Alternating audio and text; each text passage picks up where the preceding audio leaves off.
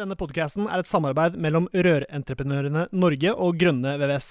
Felles for både Eli og meg er at vi brenner for rørbransjen, og vi ønsker å dytte bransjen i riktig retning. Men dette får vi selvfølgelig ikke til alene, vi trenger flere.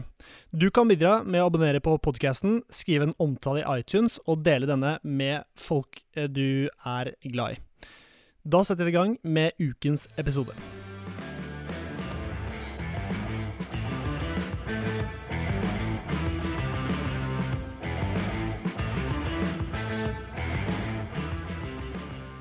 Hei, hei, og hjertelig velkommen til en ny episode av Bare Rør med Eli Hermine Herdal Eide fra Rør-Norge og Severin Popp Midteide fra Grønne VVS. Og eh, Eli, hva skjer da? Er det noe nytt på trappene?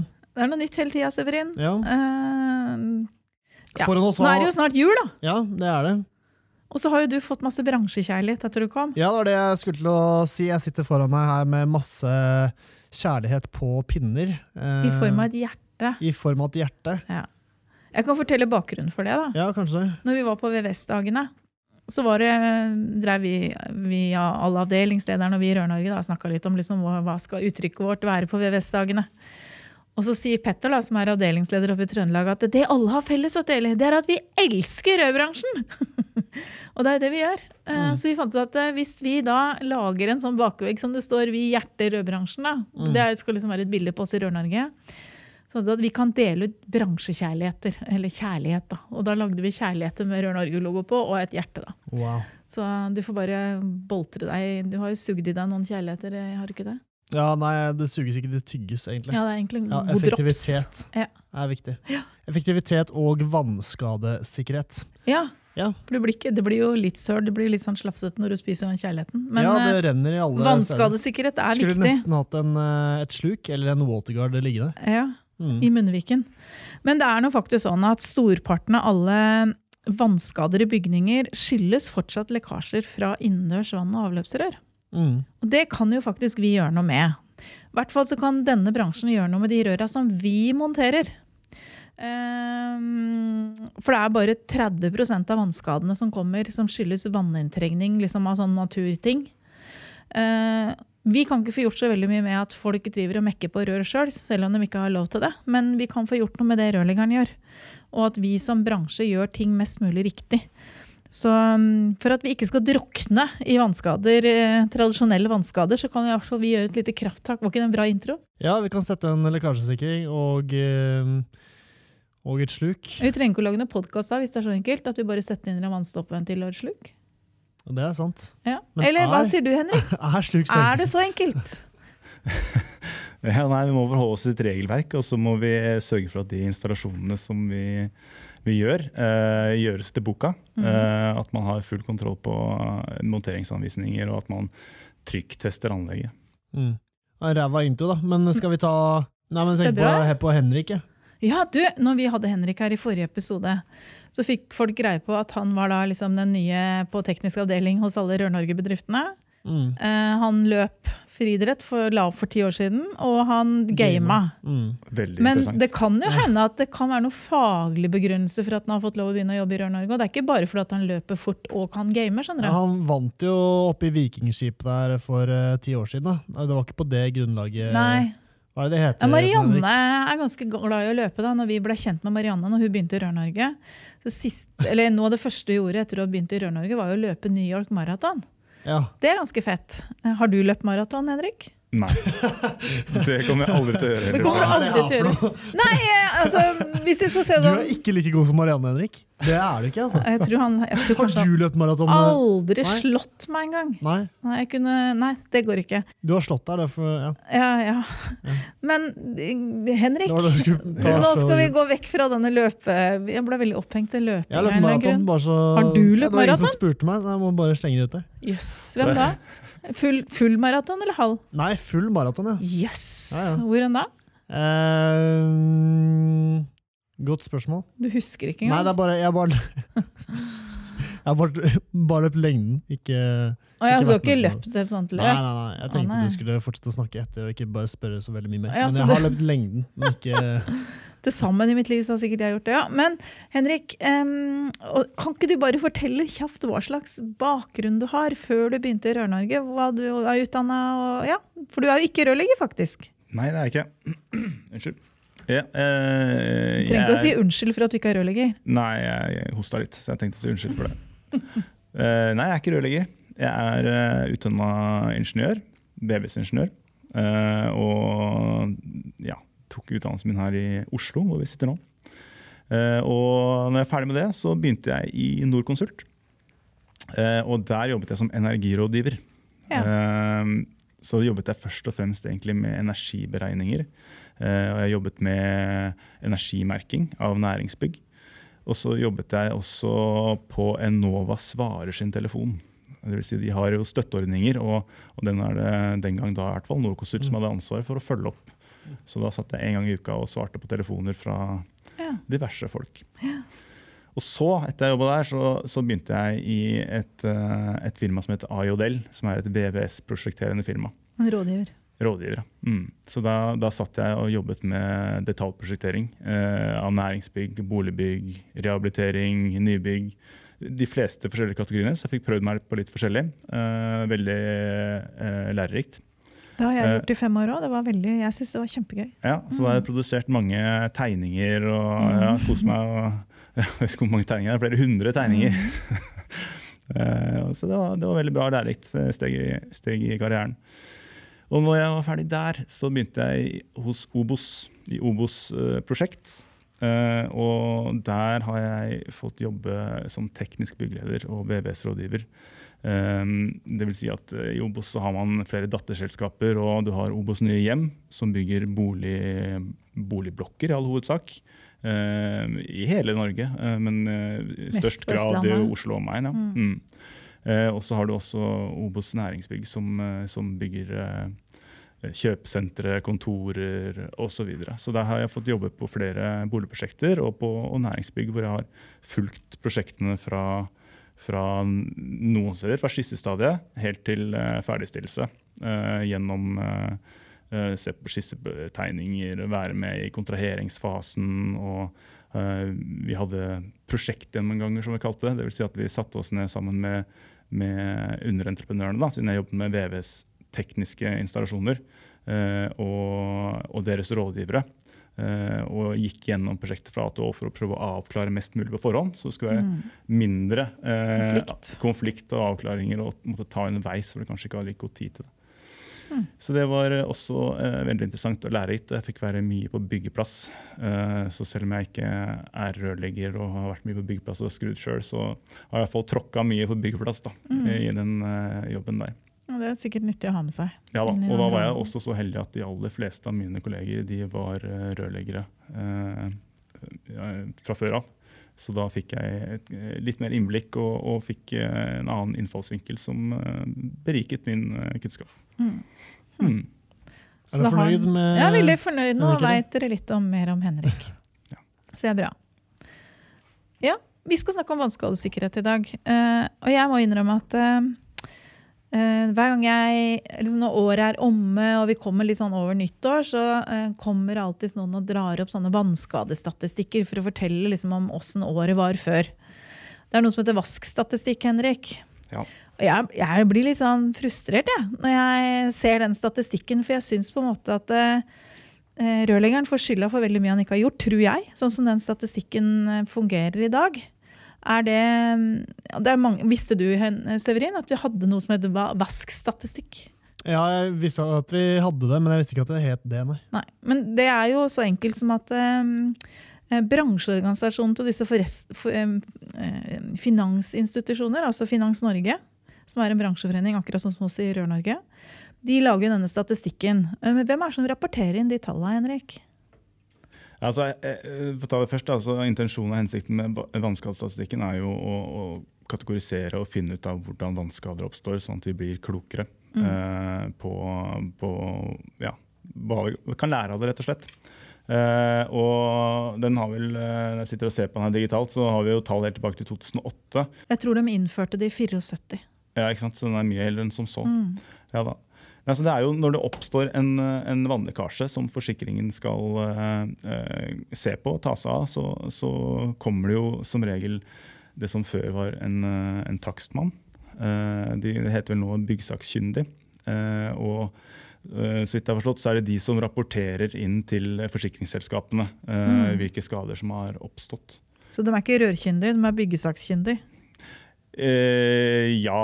Altså, de, de har som regel en annen eh, teknisk bakgrunn. Eh, kanskje byggteknisk bakgrunn. Eh, nå er jeg ikke full statistikk på hvilken bakgrunn de har, men de er overrepresentert. Eh, Vi veit i hvert fall at det dessverre er altfor få rørleggere som har valgt å ta den takstutdanningen.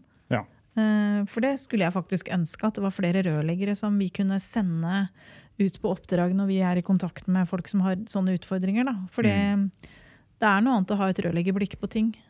Fordi du forstår litt mer av utgangspunktet. ja, Man ønsker jo at den statistikken skal være så presis som overhodet mulig. Eh, og, og det er jo en bekymring at, uh, at uh, ikke har rett kompetanse på rett sted da, når det kommer til rapporteringen her. Mm. Eh, og i de aller fleste vannskader så er det jo en rørlegger som er på plassen. Så, så vi, vi har jo et ønske om at, at uh, rapporteringsansvaret kanskje skal uh, flyttes til en person med rørteknisk Mm. kompetanse. Ja. Ja. Mm.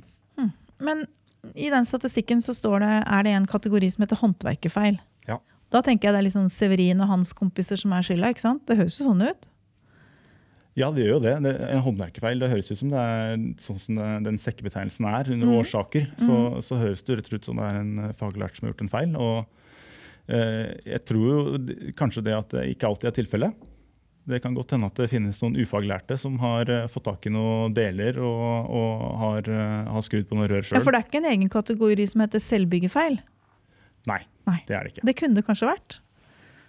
Ja. Ja, altså jeg mener For å skille litt sånn hvem har skylda her, så hadde det vært litt lettere å klare å plukke ut uh, Ja. ja vi ønsker jo selvfølgelig at den statistikken er så presis som mulig. Så det er- ja, hadde vært interessant å, å få enda mer innblikk i hvordan den utarbeides og, og hvordan det rapporteres. Hmm. Men disse vannskadene har jo stiget, eh, og det tenker jeg kan ha litt med også måten vi bygger på. Eh, I et typisk kjøkken, Severin, på et litt sånn fancy hus, hva er det Mm. du setter inn inn i kjøkkenbenken da?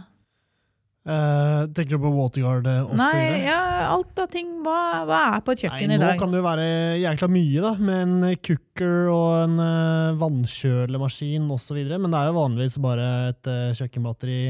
Kanskje kjøkkenbatteri har avstengning til oppvaskmaskin, men i hvert fall kjøkkenbatteri og en oppvaskmaskin, det er det helt uh, det er standard. Og veldig vanlig Mm. med en breder i blokker. Kommer du Ja, fort på en liten. Mm. benkebreder, er jo Ja. ikke så uvanlig. Mm. Og så blir jo disse Ja, kukker blir mer vanlig, og Ja, kjøleskap med kjøling yes. er ganske vanlig. Mm. Det er nye våtrommet, sier folk.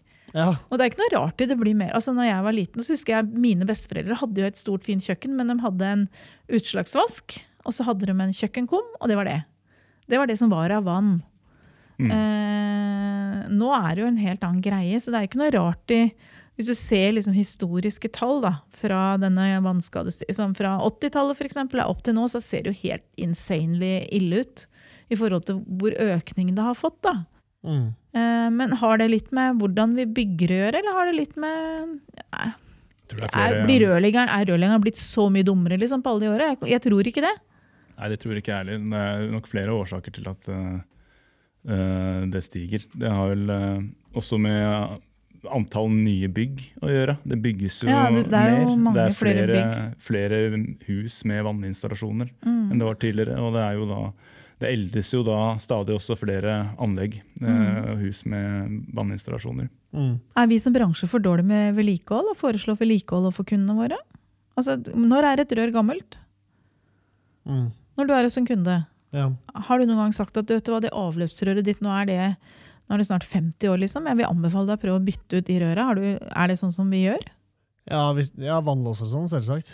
Jo, Mm. men rør ellers i bygg òg. Altså, det er jo ikke ubegrensa levetid på verken vann- eller avløpsrør. Nei, 50 år er ikke så jækla lenge, da, men eh, Ja, i eneboliger så kan vi si det. Mm. Men da 50 år, jeg vet ikke. Da er det kanskje Er det plast, da, eller? Eh, Det var plastrør på om slutten av 80-tallet, i hvert fall. Jeg var rørleggerlærling. Ja. Ja, Du har jo flere forskjellige kategorier av rørtyper fra 50 år og oppover nå. Da hadde jo Ja. kobberrør for 50 år siden også. ja, det kommer ofte an Men på kobberrøra for 50 år siden hadde en helt annen kvalitet enn i dag. Det var mye tjukkere gods.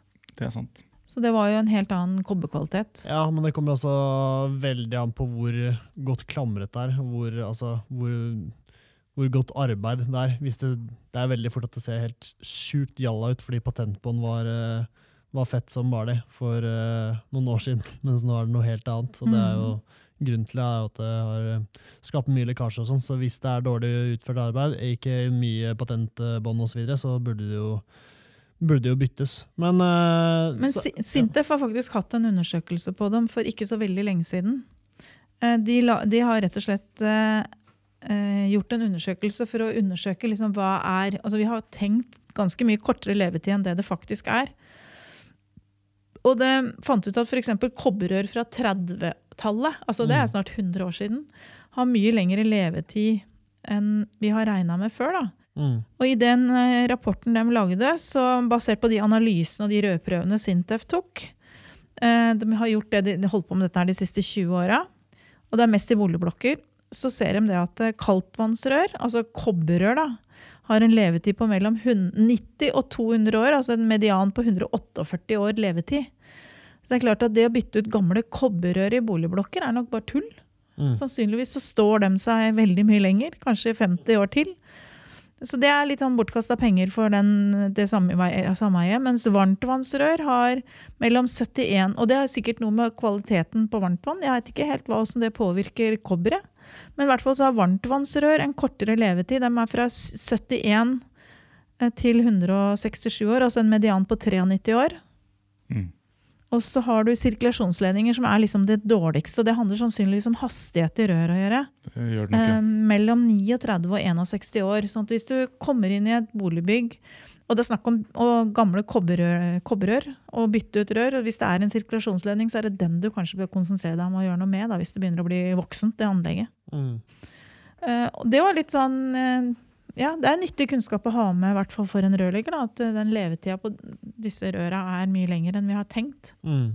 Ja, Det finnes jo eh, tidspunkter eh, i historien hvor eh, rørkvaliteten var dårligere. Eh, og en, som har dårlig rykte, er vel begynnelsen av 80-tallet. Med Mm. disse var det Qtelex-rør det het. Det, Eh, Prisol og. Cutelex. mm. Mm. Så det, man må se litt på Det er glødde, det er installert. glødde kobberrør. Mm. Mm. Se litt på når det er installert, og kan gå an å lese seg til på en måte, hvilke kvaliteter de hadde fra de ulike installasjonstidspunktene. Mm. Hva betyr glødd? Glødd. At det er varma, liksom? Ja. Ja. det er sånn vi sier i Hokksund. Glødde kobberrør. Det høres jo veldig kult ut. Ja. Men et glødd Men det selges jo fortsatt, da. Ja, det gjør det helt sikkert. Men poenget er at det, et stivt kobberrør, da, det er jo stivt. Mm. Det må du varme for å klare å bøye. Og med det tynne godset som er nå, så er det jo ikke anbefalt å drive og bøye på kobberrør med veldig tynt med gods. Mm. Mens disse Prisol og Cutlex-røra, det var jo rør som var forhåndsvarma, da. Sånn at det liksom den spenninga i kobberet hadde endra seg før du kjøpte det. Så du slapp å gjøre den varmeprosessen sjøl. Og så var det jo et sånt tynt plastbelegg utapå som gjorde at det var en slags sånn strømpe utapå det røret for å beskytte røret òg, da. Mm. Så det var jo alle, sånn som nå legger vi jo rør i rør eh, opp i båndledninger og sånn. Men den gangen så la vi jo ikke røra inn i et skap og videre. Den gangen så la man jo røra fra inntaket, og så la du deg liksom bortover fra utstyr til utstyr gjennom hele huset. ikke sant? Så det var en helt annen måte å legge rør på. Mm. Så ja. Sannsynligvis mye bedre med tanke på ventetid på tappevann og sånn, men eh, sånn er livet. Mm. Ja. Men vi, ja, vi skal snakke om vannskadesikkerhet. Vi begynte å snakke om uh, vaskstatistikken, og at Ja. rørleggeren får kanskje litt sånn uforskyldt skylda for veldig mye rart. Mm. Men når du tenker vannskader eh, Rørleggeren kan jo være med å forhindre veldig mye vannskader, Henrik? Ja, og uh, når det kommer til vannskadesikkerhet, så, så uh, er jo hovedfokuset det er jo godt håndverksmessig utførelse. At man skal vite hva man driver med. At man skal, man skal eh, kjenne produktet man bruker. Kjenne egenskapene til produktet man bruker. Monteringsanvisning. Man skal ha, kjenne til prosedyrene for eh, eh, trykktesting av de produktene som man bruker. Hvis man har full kontroll på det, så legger man til rette for at man gjør en god vanninstallasjon, og at det er liten sannsynlighet for at det oppstår en vannskade på et senere tidspunkt. Så det handler egentlig om å være proff, altså. Det handler om å være proff, ja. Det er det det gjør. Det handler om å være rørlegger. Ja. Proff rørlegger. Mm. Og kjenne til egenskaper. Ikke sant? Det kan være at du vet hvilke egenskaper produktet har for ekspansjon, f.eks. Mm. Mm. Og de snakket jo litt, eh, Husker du det når vi hadde fagråd for våtrom her, så snakka han Vidar, er det din tidligere sjef, er det ikke det? Det er min tidligere sjef, ja. har nemlig vært her for ikke så lenge siden. Mm. Eh, Da snakka vi om at et eh, ti meter langt PEX-rør utvider seg 9 centimeter hvis det blir, blir brukt på varmt vann. Og det er klart, det har ganske store konsekvenser for hvordan du skal tenke når du legger det røret. Mm. For den ekspansjonen må kunne tas opp på en eller annen måte, så blir det et brudd etter hvert. Hvis du strekker den ledningen, så blir det store krefter i, i koblingene Mm. på bendet osv. Mm. Ja. Og det er klart, det er en måte å unngå vannskade på, er jo faktisk å være veldig kunnskapsrik på det området. At du skjønner på en måte konsekvensen av de produktene du monterer. da. Mm. At uh, Når du skal lære lærlingen din å, å legge rør i rør, så bruk f.eks. den lille rør i rør-håndboka som Sintef har gjort. Har du sett den, Severin? Nei, jeg bare brukte Armatur Jønsson Sanibecks eh, sine. Ja, for Jeg Sintef tror det er det er, sikkert, fra samme. det er helt sikkert Mm. samme. Uh, men poenget er at det fins en egen sånn håndbok for rør i rør. Mm. Som der står på en måte de viktigste reglene. Da. En av de tung- tinga jeg tenker at det blir synda mye mot, er f.eks. å bruke en sånn uh, ah, Hva heter det? Sånn når du går gjennom stender og sånn. Spikeraviser. sånn Spikeraviser. Spikeraviser, ja takk. Ja. Uh, det er mange som veit at det fins noe som heter spikeraviser, men jeg er veldig usikker på mange som seriøst bruker det helt bevisst. Ja, de er seriøst dyre. Så Ja, hvem er det som betaler det? Eh, kunden, hvem er det som ikke får tilbudet? Nei, jeg bare tuller. Vi bruker det.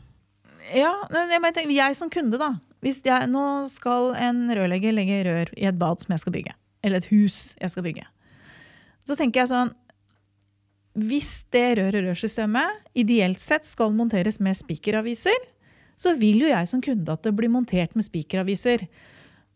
Og så tenker Jeg sånn, jeg hadde jo stussa litt hvis rørleggeren kom til meg og sagt du, altså vi skal montere rør i røret hos deg, men jeg tenkte jeg skulle bare drite i de spikeraviserne, for de er så dyre.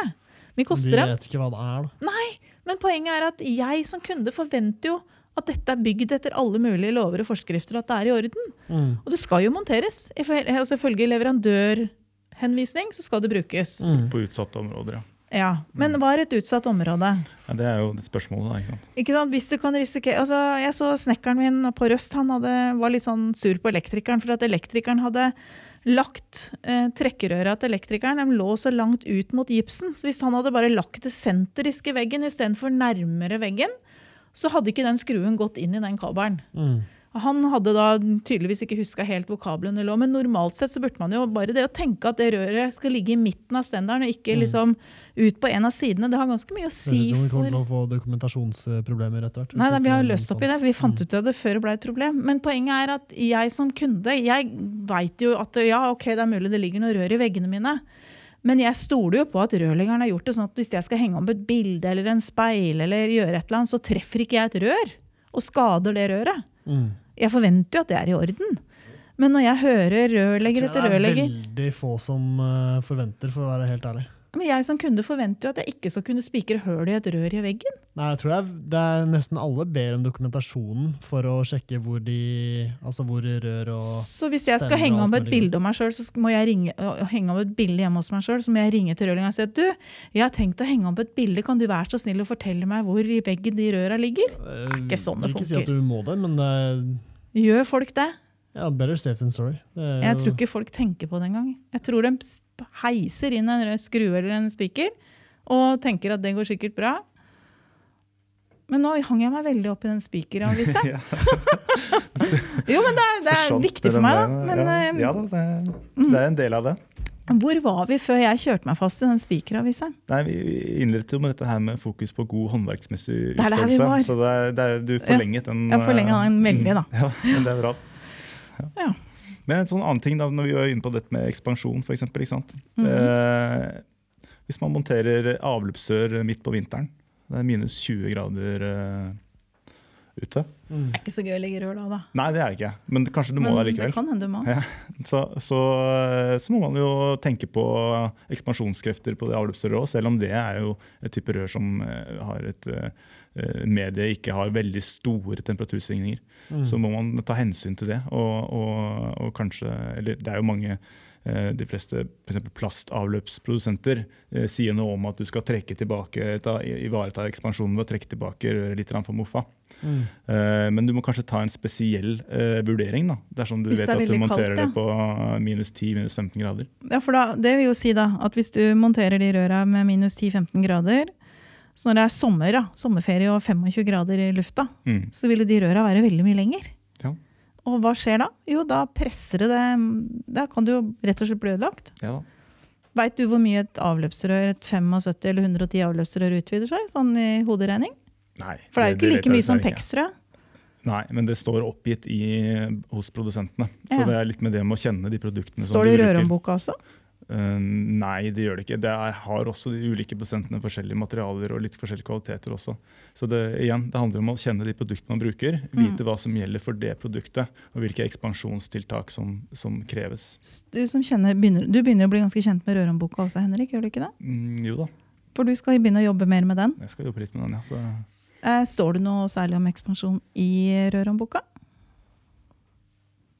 Tydeligvis ikke kommet til det kapitlet Eh, ennå. nei, og så ble jeg sikkert seende veldig tenkende ut, ja. Eh, det kan hende de gjør det, for jeg kan ikke alltid Rørenboka ennå. Nei. Det må jeg innrømme. Det er eh, flere hundre sider. Eh, men eh, det er absolutt noe som jeg har tenkt at det skal være i hvert fall sjekke. Eller eh, sørge for at Ta med spikeraviser, da. Ja. Du kan komme med Jeg forslag kan komme med et lite forslag. Ja. Ja, det bare, det bare sånn, når vi først er inne på det, da. Hvis Severin tenker at dæven, det vil vi ha inn i rørhåndboka, Ja. eller her har jeg en idé om noe som burde vært endra, eller dette var ikke bra nok, hva gjør han da? Sender han bare en mail til deg, eller er det den derre rhb.rornorge.no? Må gjerne gjøre begge deler. Jeg er Ja. veldig, opptatt, veldig opptatt av at vi får innspill eh, når folk ser noe i Røromboka. Ja. og, og, eller har noen ideer. Så Ja. har vi jo da en egen eh, e-postadresse som heter rhb, at rørnorge, eller rornorge.no. Rørhåndboka. RHB. Ja. eh, som er på en måte den offisielle innspillskanalen. Men, Mm. eh, men det er klart alle vi som jobber her på kontoret, tar imot innspill da, Ja, ja. hvis det er en enklere måte å ta kontakt med oss. Ja. Da avbrøt jeg igjen. Da, da forsvant vi litt fra temaet igjen, ja. Men jeg tenkte jo, vi kan jo eh, Vi har jo noen regler. Som gjelder for vannskadesikkerhet. Ja. Uh, og I forrige episode snakket vi om uh, teknisk uh, forskrift. Og teknisk forskrift sier jo noe om vannskadesikkerhet. Ja. Og I all hovedsak så er det jo to paragrafer som, som snakker om vannskadesikkerhet. Og det er paragraf eh, 1315, eh, som heter våtrom og rom med vanninstallasjoner. Og et våtrom det er jo et, et, et tett rom, altså det er et vannskadesikkert rom. Så du skal ikke gå så nøye inn på det. Der er det jo, skal det være tett membran og du skal ha sluk osv. Men du har jo også punkt tre under den eh, paragrafen, som heter eh, rom med, øvrige rom med vanninstallasjoner gjelder. Og Der har vi tre bokstaver som sier noe om eh, vannskadesikkerhet. ja. Tre bokstav, altså tre, ja, tre A, punkter. B og C. Ja, sånn, ja. ja. Mm. Eh, og eh, det første punktet der, eh, punkt 3a, det sier gulv og vegger som kan bli utsatt for vannsøl, lekkasjevann eller kondens, skal utføres med fuktbestandige materialer. Hva er fuktbestandig, da? Ja, godt spørsmål. Mm. Eh, det står det beskrevet litt nærmere om i veiledningen til punktet. Eh, og der står det først, Før vi kommer til noen preakseptert ytelse, står det at fuktbestandige overflatematerialer vil normalt redusere fare for soppdannelse. Eh, under preaksepterte ytelser så går man litt mer direkte inn på definisjonen av fuktbestandige materialer. Der står det at 1. Gulv og eventuelle vegger må ha fuktbestandige materialer. Dvs. Si at overflaten må kunne tåle en begrenset fuktpåkjenning over kortere tid. Det er ikke helt øh, øh, Det går an å tolke det òg. Ja. men uh, en begrenset fuktpåkjenning over kortere tid, da, da er det jo en del materialer som, som tåler det. Jeg tenker jo f.eks. at en parkett som blir utsatt for begrenset fotbekjenning over kortere tid, Mm. den vil jo antagelig tåle det. Mens la oss si f.eks. gips, det vil kanskje ikke tåle det så godt, da, med mindre det er overflatebehandlet på en eller annen måte. Så der er det altså noen krav, og det er jo i, i, i rom med vanninstallasjoner. Så dersom det skulle komme en, en lekkasje, rett og slett. Mm. Eller kondens. Det kan være kjøleskap også. Det er jo, du har jo kondensavrenning på kjøleskap som tetter seg titt og ofte, og det hender at det renner ut Det, fra I kjelleren min så er det sånn at det kommer litt vann ut foran innimellom. Ja, jeg må jo stake opp den derre den der, Vi har for Ja. mye gugg i kjøleskapet. Stadig vekk hjemme. Ja. Jeg tror man bytter kjøleskap. Ja, det må Uff, lukter nasty, ass. Da må du vaske det. Gjort det. Og så har vi da eh, bokstav B under samme punktet, altså i øvre rom med vanninstallasjoner gjelder. Eh, og Der står det at eh, rommet skal utformes slik at eventuell lekkasje synliggjøres. Det er jo et uh, funksjonskrav som uh, ikke definerer uh, hvordan ting skal synliggjøres. Men dersom altså, du har noen rørføringer som, eh, eller utstyr, så skal det være mulig å oppdage en lekkasje. Det må jeg være enig om i hvert fall. Det skal være mulig å oppdage den lekkasjen. Mm. På hvilket nivå, om du skal på en måte bli varslet med en lyd, eller om du skal stenge av vann, eller om du skal kunne se det med det blotte øyet, eller du skal kunne åpne opp en luke. Det sier ikke eh, teknisk forskrift noe direkte om. Men det avhenger vel litt av, av, eh, av eh, bruken av bygget. Hvor ofte disse stedene eh, det er mennesker her osv. Det er jo en, en vurdering som ansvarlig prosjekterende må ta eh, i prosjekteringsfasen. Det er jo sånn at eh, for noen år siden så ble det lagd sånne bransjeregler for eh, eh, forebygging av vannskader. En, bran en sånn bransjeregel eller en oversikt for nybygg og rehabilitering, og en for service. Kjenner du til det nå? Har du blitt introdusert for det? Nei. Bare, de ligger inne på eh, nettsida til Rør-Norge. Og da ligger det eh, Her står det litt sånn konkret at du f.eks. skal bruke eh, produkt levert av kunde skal ha forskriftsmessig produktdokumentasjon av ett av poenget. At det skal være felles stengeventil som skal merkes under arbeidet. og det skal varsles. At, det er- altså, sånne helt konkrete råd. Liksom, at kunden skal få en samsvarserklæring. Eh, du skal sjekke om vanntrykket er over seks bar. Altså en del sånne praktiske ting. Mm. Eh, Du skal fraråde at det skal skje skriftlig hvis det er noe som kunden har tenkt å gjøre som du mener ikke er klokt. Da, så må du dokumentere at du har fraråda det. Eh, hvis det er avvik fra bransjereglene, så skal du notere det. At du, ja. Så det er veldig sånn konkret satt ned. Da. Så det skal Ja. jeg sørge for at jeg kan legge verktøy, hjelpemiddel, ja. ja, det er et verktøy, en, en slags sjekkliste, men den går litt Mm. lenger enn det. da. For det er egentlig gode råd. Husk dette. Ja, det er det. Mm. Mhm.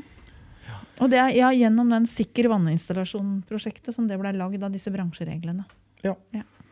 Mm. Den siste bokstaven på det punkt tre det er, eh, omhandler innebygd sisterner. Eh, og Der står det at bygningsdeler med innebygd sisterne eller lignende skal sikres mot fuktinntrengning fra lekkasje fra installasjonen. Da har du en preakseptert ytelse som hører til den, eh, til den paragrafen. Og Der står det at innebygd sisterne og lignende må monteres i en prefabrikkert kassett med vanntette overflater eller i et hulrom. Der det er relevant for må hulrommets vegger og gulv ha vanntett sjikt som er kontinuerlig med resten av sjiktet for rommets vegg og gulv. Eventuelt lekkasjevann må dreneres ut i rommet, slik at lekkasjen raskt blir synlig. Mm. Ja. Mm. Og raskt blir synlig. Altså, hva er det? Hva er raskt? Er det sånn at hvis du Det må jo være med én gang, da. Nei, tror jeg ikke. Jeg tror ikke det er sånn at hvis det kommer bitte lite grann eh, lekkasje fra sisterna di, så skal du kunne tåle at det ligger litt vann på gulvet ditt eh, over natta. Skal du ikke det? Altså, dette er jo da rom for tolkning igjen, da. Det er rom for tolkning, ja. Det, Eh, hva er greia, ja, natta, liksom? men jeg tenker at det er nokså fort, da. Med en gang. Ja, altså Hallo. Ja, nei, ja, ja, men hva skal Du har jo ikke en uh, Det sitter jo ikke noen på do. Du har ikke en waterguard i sluket heller, så hvis det renner bort altså hvis det regner Nei, Hvis det er sluk, så er det jo ikke noe stress. Da kan du lekke så mye du vil. Hvis Ja, det er innenfor det et rom med våtrom Ja. med membran. Men hvis det er i en kjøkkenbenk for eksempel, eller på et toalettrom da, som ikke har membran, ja, da, nei, vi er inne på det med at eh, en lekkasje skal synliggjøres. Eh, Ja. og, og, og igjen, det, det avhenger jo av bruken av bygget. Eh, eh, hva som er godt nok der.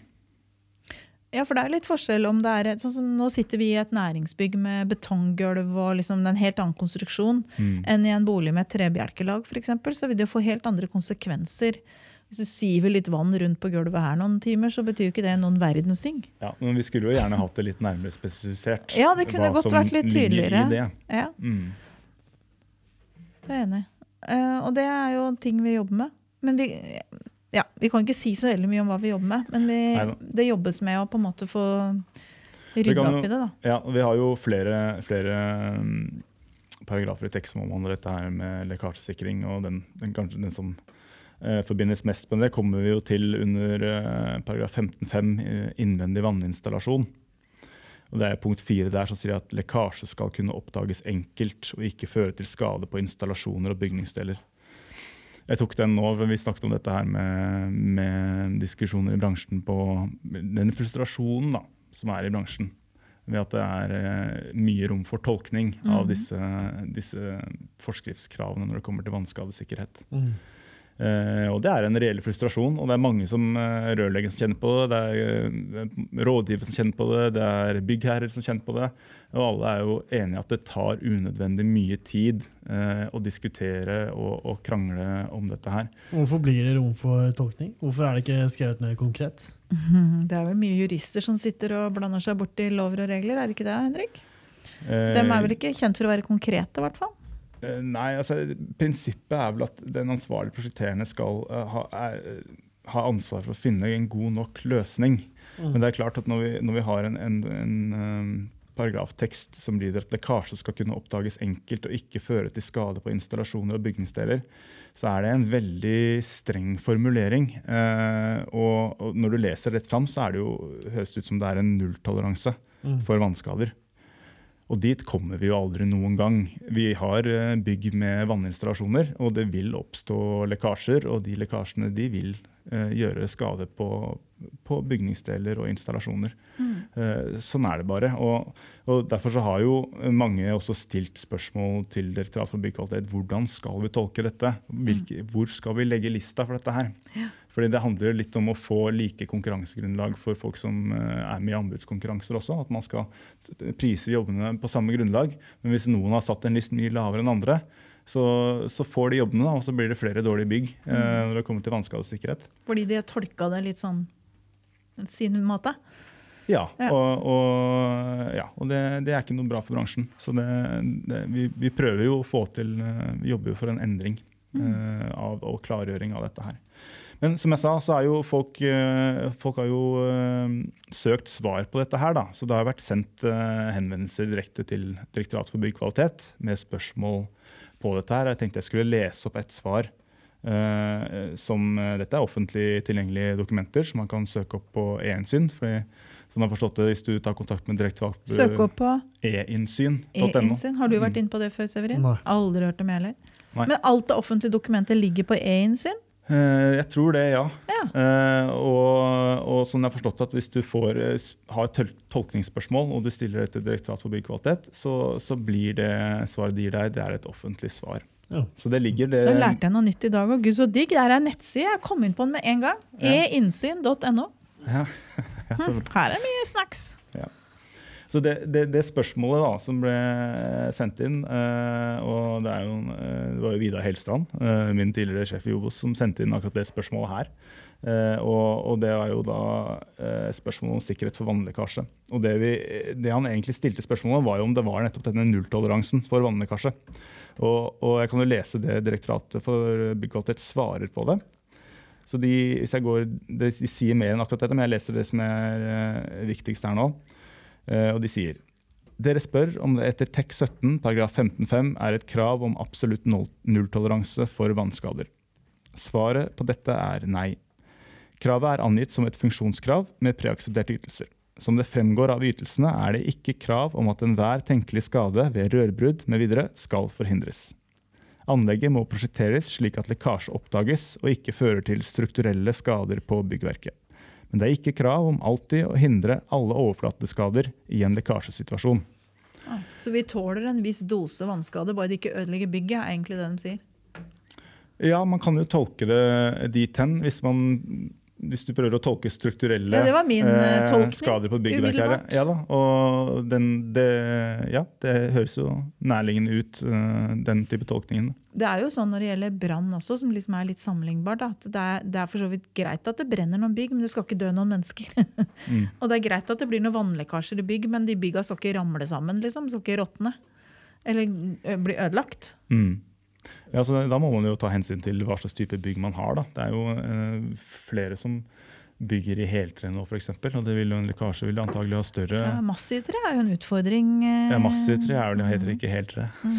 Ja, ja, jeg skjønte hva du mente. Ja, det er det viktigste. Så, Men de, ville være, altså de type byggene vil være mer utsatt for å få strukturelle skader på bygningsdeler, f.eks. ja. Så igjen så, så har jo ansvarlig prosjekterende et ansvar Ja. for å vurdere det bygget som eh, bygges, eh, Mm. og hvilke tiltak som er godt nok for det bygget. Mm. Nettopp. Ny læring, eller? mye å lære. Ny læring? Ny læring, ja. Ja. Ja, for så vidt. For at det er litt sånn Dette er jo mange som sitter og tenker mye på. Og så er det veldig mange meninger om det. Ja. Rett og slett fordi det er så mye tolkningsmuligheter. da. Hmm. Og det er det vi prøver å rydde opp i. Eh, litt sånn i kulissene. da. Sånn, det er ikke noe du, Severin, sitter og ser at vi driver med. Mm. Men målet er jo at vi skal kunne eh, finne noen måter å få gjennomslag for å få endra de tinga, sånn at det blir mer eh, hva skal jeg si, oversiktlig, mindre tolkbart.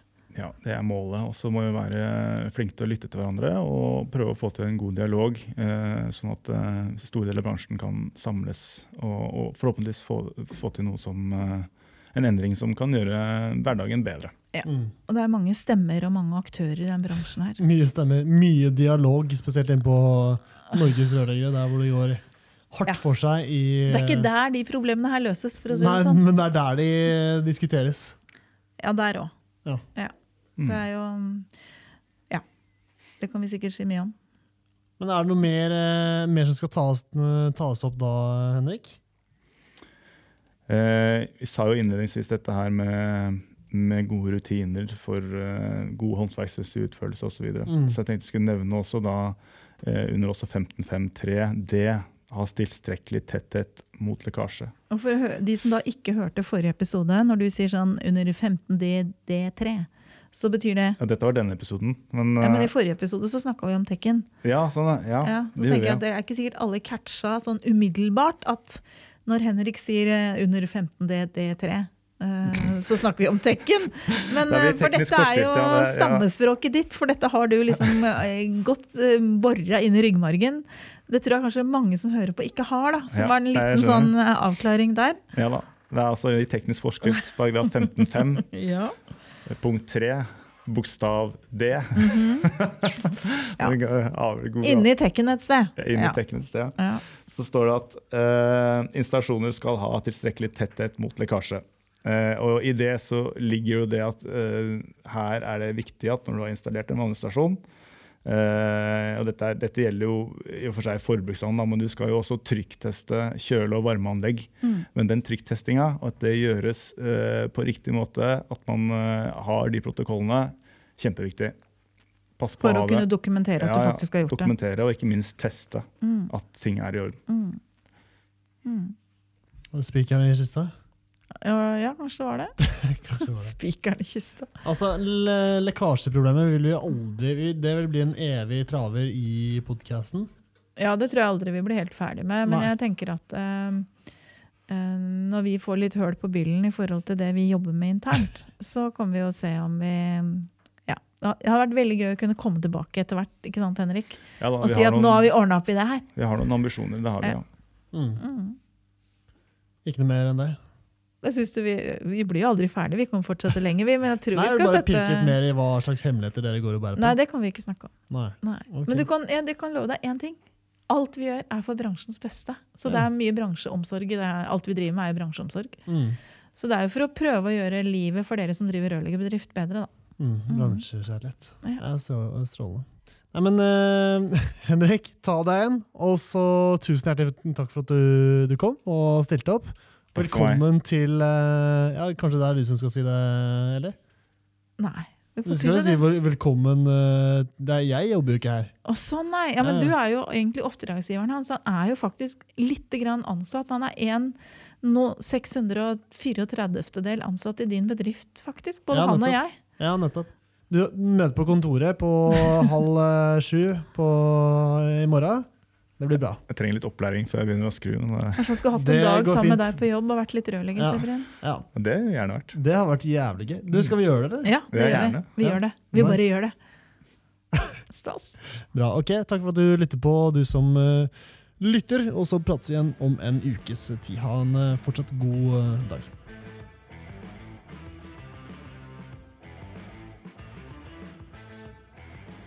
Halla, hvis du likte denne podcasten, hadde vi satt utrolig stor pris på om du abonnerte og gir oss en tilbakemelding i avspilleren.